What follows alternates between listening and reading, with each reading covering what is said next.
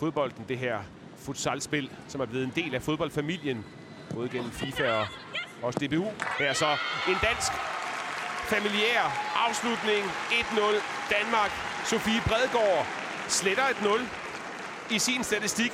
Det er nemlig første landskampmål for Sofie Bredgaard. Og igen så vi, det var fløjspillet, der gjorde det. Klubmæssigt. Og der kommer så også mulighed, og der kommer vel også en udligning. 1-1 scorer Uruguay til, præcis som vi så i kampen mod Frankrig. Kom Uruguay tilbage fra at være kommet bagud. 1-1, og er det med nummer 16 her, Janel Correa, der lige får skubbet bolden ind i en situation, hvor jeg ikke synes, den danske opdækning var meget imponerende. Der fin bold til Annie Thomsen.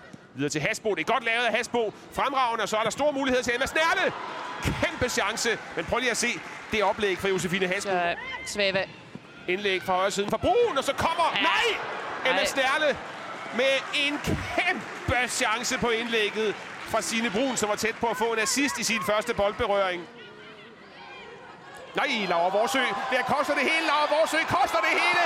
Og så står der 2-1 til Uruguay. Belen Aquino, som har arbejdet så stenhårdt, gør det til 2-1.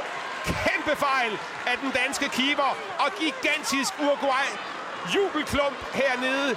Det vil være det største resultat i Uruguays historie, og det største danske resultatmæssige skuffelse i mere end et årti. Mod Uruguay, nummer 67 på verdensranglisten lige i øjeblikket. Sevike, og så fik vi trods alt ødelagt den meste af den uruguayanske fest og reddet noget af æren. Rikke Sevike, hovedstødsudligning 2-2 her i Snærle.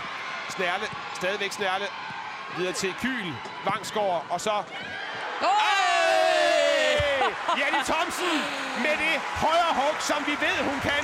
Pludselig har vi ketchup-effekten på de danske mål. Det vi har ventet på en helt, helt halvleg. Hvorfor pokker skulle det vente så længe?